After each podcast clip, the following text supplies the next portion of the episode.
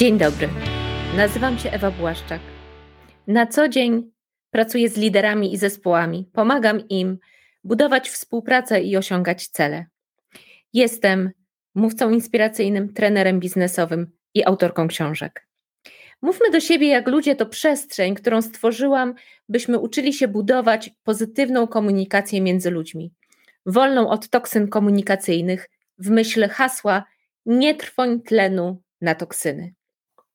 Uczymy się tu, jak tworzyć komunikację, która leczy, a nie rani, która dodaje skrzydeł i pozwala budować super relacje, zarówno w pracy, jak i w życiu prywatnym.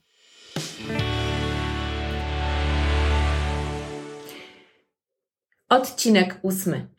Abracadabra, czyli moc sprawcza komunikacji. Wydawałoby się, co to za temat? Komunikacja. Tylko słowa. To tylko słowa. A może aż słowa. Dzisiaj chciałabym, żebyśmy porozmawiali chwilę o mocy słów, o mocy komunikacji. Zbliża się Halloween, a z tym świętem przychodzi magia, przychodzą zaklęcia. Jednym z takich zaklęć jest abracadabra. I tym zaklęciem chciałabym się zająć. Czy wiecie, co to znaczy abracadabra? Nie, to nie jest tylko przypadkowy zbitek sylab wymyślony przez dzieci. Etymologia słowa abracadabra prowadzi nas do języka aramejskiego i do wyrażenia avra kechdabra, które oznacza, uwaga, uwaga, stwarzam, kiedy mówię. Stwarzam, kiedy mówię. Kiedy mówimy, kiedy wypowiadamy słowa, tworzymy pewną rzeczywistość. Kocham Cię. Tego słowa nie rzucamy na wiatr. To słowo wywołuje reakcję u drugiego człowieka. Jesteś głupkiem. Te słowa również kreują rzeczywistość. Chciałabym, żebyśmy zdawali sobie z tego sprawę. Kiedy mówimy, wypowiadając słowa, tworzymy pewną rzeczywistość, której nie da się już odsłyszeć, nie przeczytać. Ona jest. Ona jest w mózgu, w głowie drugiego człowieka. Ale nasz mózg nie odróżnia rzeczywistości stworzonej przez słowa i tej, która jest wokół nas. To dla mózgu to samo. Mózg będzie analogicznie na nią reagował. Więc uważajmy na nasze słowa. Lao Tse kiedyś mawiał: Zważaj na swoje myśli, bo stają się Twoimi słowami. Zważaj na swoje słowa, bo staną się Twoimi czynami. Zważaj na swoje czyny, bo staną się Twoimi nawykami. Zważaj na swoje nawyki, bo kształtują Twój charakter. Zważaj na swój charakter, bo kształtują Twoje przeznaczenie. Tak, proszę Państwa. Słowa mają wielką moc. Kształtują nasze czyny, kształtują nasze nawyki, kształtują nasz charakter, kształtują nasze doświadczenia, kształtują nasze przeznaczenie. Pierwszym odnotowanym użyciem słowa abracadabra jest łaciński tekst De Medicina Precepta, napisany przez lekarza Quintusa Serenusa Samonicusa w II wieku naszej ery. To niezwykle stare słowo. I abracadabra niewiele wówczas miało wspólnego z dziecinnymi zabawami. Było traktowane bardzo poważnie. Samonikus wskazuje, że jeżeli chora osoba chce wyzdrowieć, powinna nosić na szyi amulet z iteracją słowa abrasadabra. Użycie litery S zamiast K wynikało prawdopodobnie z tłumaczenia na grekę. Te słowa powinny były być, iteracja tego słowa, czyli wielokrotnie napisane słowo abracadabra, powinny były być ułożone w kształcie trójkąta. Samonikus używał tego mocnego słowa abracadabra po to, żeby leczyć. Bo kiedy mówię stwarzam, kiedy mówię mogę leczyć drugiego człowieka i tak samo mogę go ranić. Wybór należy do mnie. Proszę Państwa, słowo ma ogromną moc. Wiemy to od zarania wieków. Żeby nie być gołosłownym, Jan Ewangelista w taki sposób przepięknie ujmuje stworzenie i esencję świata. Na początku było Słowo, a Słowo było u Boga i Bogiem było Słowo. Ono było na początku u Boga. Wszystko przez nie się stało, a bez niego nic się nie stało z tego, co się stało. W nim było życie, a życie było światłością ludzi, a światłość w ciemności świeci i ciemność jej nie ogarnęła. Na początku było Słowo, mówi Jan Ewangelista w Ewangelii Świętego Jana, rozdział pierwszy, wers od pierwszego do czwartego. Słowa mają gigantyczną moc. Dają życie, mogą uzdrowić, mogą przyprawić o chorobę, o cierpienie. O ogromnym znaczeniu słów i ich wpływie na otoczenie uczy nas w swoich pra pracach naukowych dr Masaru Emoto.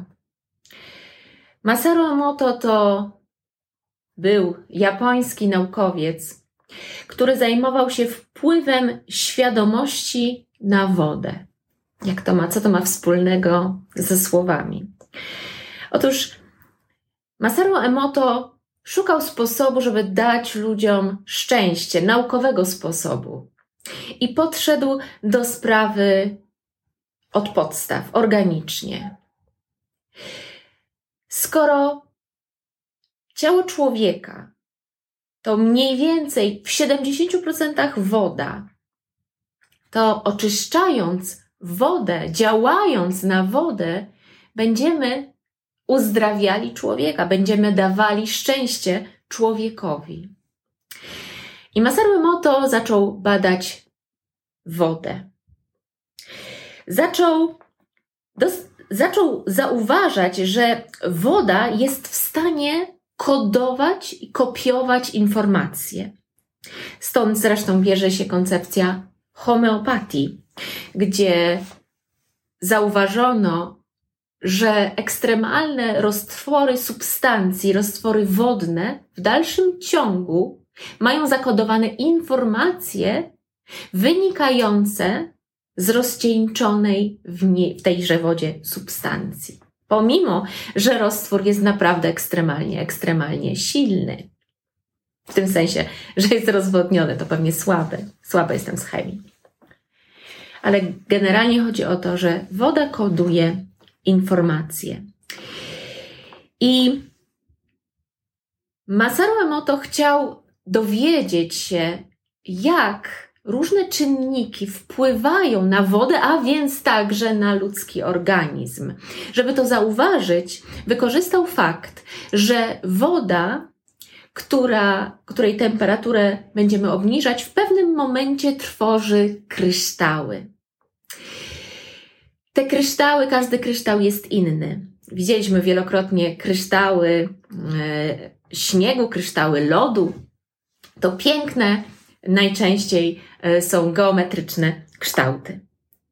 I teraz Emoto obserwował, jak różne czynniki wpływają na kształtowanie się kryształów w zamarzającej wodzie. Okazało się, że woda poddana wpływowi muzyki Beethovena czy Chopina tworzyła piękne, delikatne kształty kryształów. Natomiast jeżeli taką samą wodę poddać wpływowi muzyki heavy metalowej, ta nie tworzyła kryształów, tworzyła co najmniej gluty. I proszę Państwa, od tego momentu zaczęło się badania Masaru Emoto dotyczące wpływu słowa, słów, komunikacji na wodę. Emoto wziął butelki z wodą. Na jednej etykiecie butelki napisał dziękuję, a na innej głupek. Wydawałoby się, że nie ma żadnego znaczenia, jaka etykieta będzie na butelce, w która zawiera wodę. A jednak okazało się, że woda z butelką z napisem dziękuję uformowała piękne heksagonalne kryształy. Natomiast woda z napisem głupek uformowała jedynie zdeformowane kształty.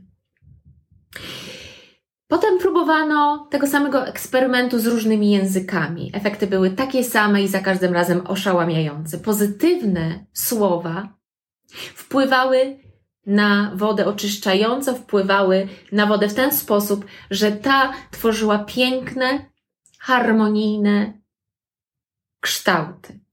Natomiast słowa, które były negatywne, które były toksyczne, powodowały, że woda nie kształtowała tych pięknych kryształów. Dalsze badania y, wykazały, że woda reaguje nawet na drobne niuanse w komunikacji. I ja znowu chcę przypomnieć, że mówimy o tym w tym kontekście, że ludzkie ciało to jest co najmniej 70% wody. Oczywiście to zależy od wieku. Kiedy, kiedy mm, dochodzi do zapłodnienia, to y, ciało płodu składa, składa się nawet w 99% z wody. Kiedy jesteśmy już starzy, to wówczas ten procent spada mniej więcej do 50 kilku procent, ale pi razy drzwi 70% naszego ciała to jest woda. I teraz słowa wpływają na tę wodę. Jeżeli mówimy do siebie jak ludzie, jeżeli nasza komunikacja, nasze słowa są pozytywne, niosą pozytywną intencję, pozytywną energię, wówczas nasze ciało będzie formowało piękne, geometryczne wzory, będzie się czyściło, będzie się leczyło, będzie dobrze funkcjonowało. Natomiast jeżeli jesteśmy poddawani słowom toksycznym, to woda, która stanowi budulec naszego ciała, będzie tworzyła zdeformowane kształty, które będą wpływały na to, jak nasz organizm funkcjonuje. I tu mamy do czynienia nawet z takimi drobnymi niuansami, bo na przykład wystawiona na prośbę o współpracę woda, gdzie było napisane zróbmy to, tworzyła atrakcyjne, dobrze uformowane kształty. Natomiast woda wystawiona na działanie tylko trochę negatywnego, bo rozkazującego komunikatu zrób to, już prawie nie tworzyła kryształów zróbmy to, a rozkazujące zrób to. Już. Taka drob, można by powiedzieć drobiazg energetyczny, rozkaz zawarty w słowie, w komunikacji już negatywnie wpływał na wodę. Proszę Państwa, abracadabra. Kiedy mówię, tworzę rzeczywistość. Czy chcesz słowami, które tworzyć, lecz, tworzysz, leczyć siebie i innych? Czy chcesz pozwolić na to, żeby Twoje słowa zatruwały Ciebie i Twoje otoczenie? Zbliża się Halloween. Halloween. Kiedy będzie, będą może Twoje dzieci biegać po mieszkaniach i zbierać cukierki, Przypomnij sobie o tym abracadabra i niech nasze słowa staną się takim pozytywnym zaklęciem, które zmienia świat na lepsze.